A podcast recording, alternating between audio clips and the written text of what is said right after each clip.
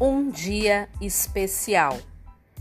Livro de Leia Cassol, editora Cassol.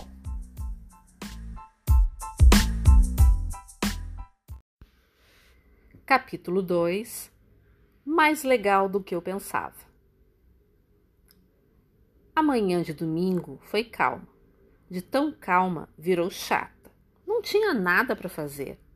Pela janela do meu quarto, Vi quando eles estavam chegando. Eram quase onze horas. O Beto trouxe três jogos para a gente brincar.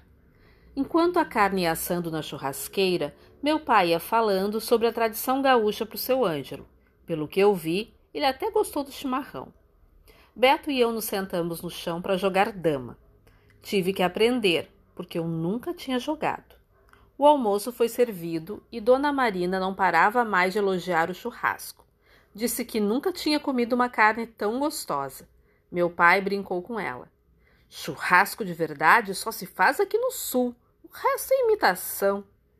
Para minha alegria, de sobremesa tinha sagu de vinho que eu adoro. Vânia, que bolinhas são estas? perguntou Dona Marina. O quê? Isso aqui? perguntei apontando a travessa da sobremesa. É, respondeu ela. Não conheço. Eu nunca pensei que alguém pudesse não conhecer sagu. Mas minha mãe, enquanto servia a gente, explicou que eram aquelas bolinhas. Isso aqui, Marina, é sagu. São bolinhas feitas de mandioca e cozidas com vinho tinto e açúcar. É uma sobremesa muito comum aqui no sul e é a preferida da Fernanda. É mesmo? falou Dona Marina. O Beto não gosta muito de doces. Sabe do que ele gosta mesmo? Pão de queijo. Tenho que fazer todos os dias. É, uai, mas essas bolinhas eu vou provar, falou Beto. Não é que ele até repetiu? Estranho para quem não gosta de doces, tu não achas? Depois da sobremesa, Beto e eu fomos para a sala conversar. Sabe que a gente até se entendeu? Claro que guri é guri, né? E às vezes falava uma piadinha, mas ele era bem legal. Eu até que estava gostando do jeito dele. Ele me contou que está sempre se mudando por causa do emprego do pai dele.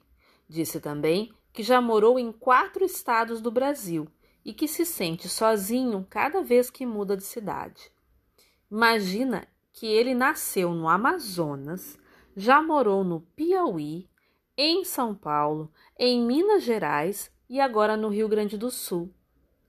Fernanda, você tem um mapa do Brasil? Ele perguntou. Tenho sim, só um pouquinho que eu vou buscar.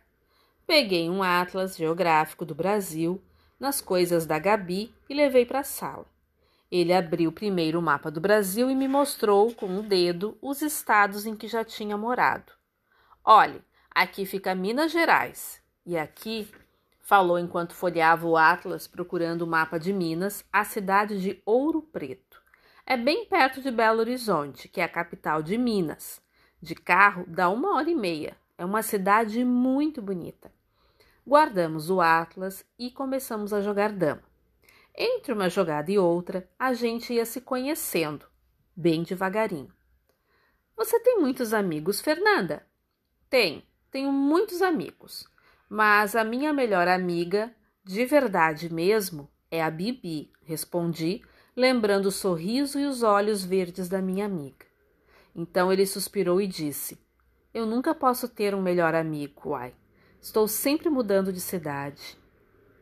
Falou isso e ficou um pouco triste. Talvez tenha se lembrado de alguém que ficou para trás. Ah, tu tens de ver o lado bom. Eu acho trilegal conhecer gente nova, cidades novas, lugares novos. Falei tentando animá-lo. Ele não disse mais nada. A gente continuou jogando em silêncio. Eu não sabia mais o que dizer. Imagine não ter um grande amigo. Não consigo nem imaginar. E eu, que não consigo fechar a boca, não sabia mais o que falar.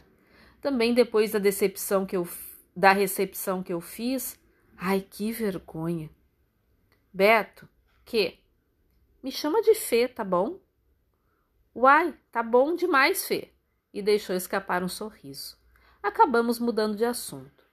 Lá fora, uma chuva calminha cantava na calçada. Nós ficamos o resto da tarde jogando dama. Graças a ele, agora eu sou craque no jogo. No final da tarde, ele foi embora. À noite, deitada na minha cama, fiquei pensando que eu não ia gostar nem um pouquinho de ficar me mudando o tempo todo. Deve ser difícil para um guri de apenas 10 anos ficar sempre trocando de escola. O Beto é um ano mais velho do que eu. A Gabi entrou no quarto e me perguntou: E então, Fê, o que achou do Beto? Ah, ele é bem legal. Eu é que no começo não fui muito legal com ele, respondi arrependida. Então, por que tu não faz uma coisa para te desculpar? Como assim? perguntei. Ora, convida ele para ir a algum lugar. A gente pode ir ao cinema. Eu levo vocês, disse Gabi. É uma boa ideia. Vou pensar no assunto. Boa noite, Gabi. Falei abrindo a boca de sono.